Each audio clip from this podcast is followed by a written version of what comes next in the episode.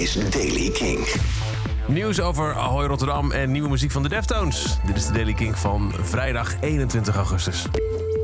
Ook reorganisatie bij Ahoy in Rotterdam. 40% van het personeel gaat eruit. Dat betekent dat ruim 100 medewerkers hun baan verliezen. Dat heeft Ahoy gisteren bekendgemaakt. De Deftones hebben de releasedatum van hun negende album aangekondigd. Ooms, O-H-M-S, komt uit op 25 september.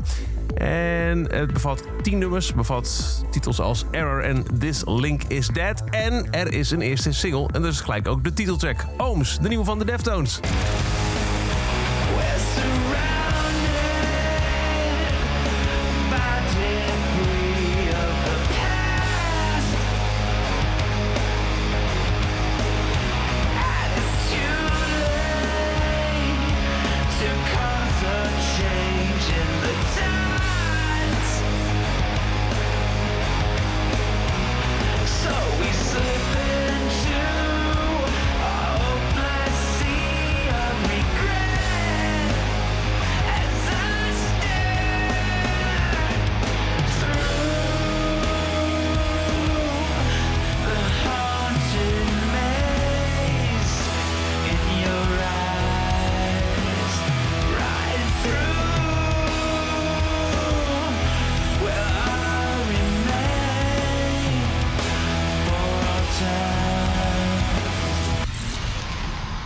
De terugkeer van de Deftones, titeltrack van het album Ooms, dat op 25 september uitkomt.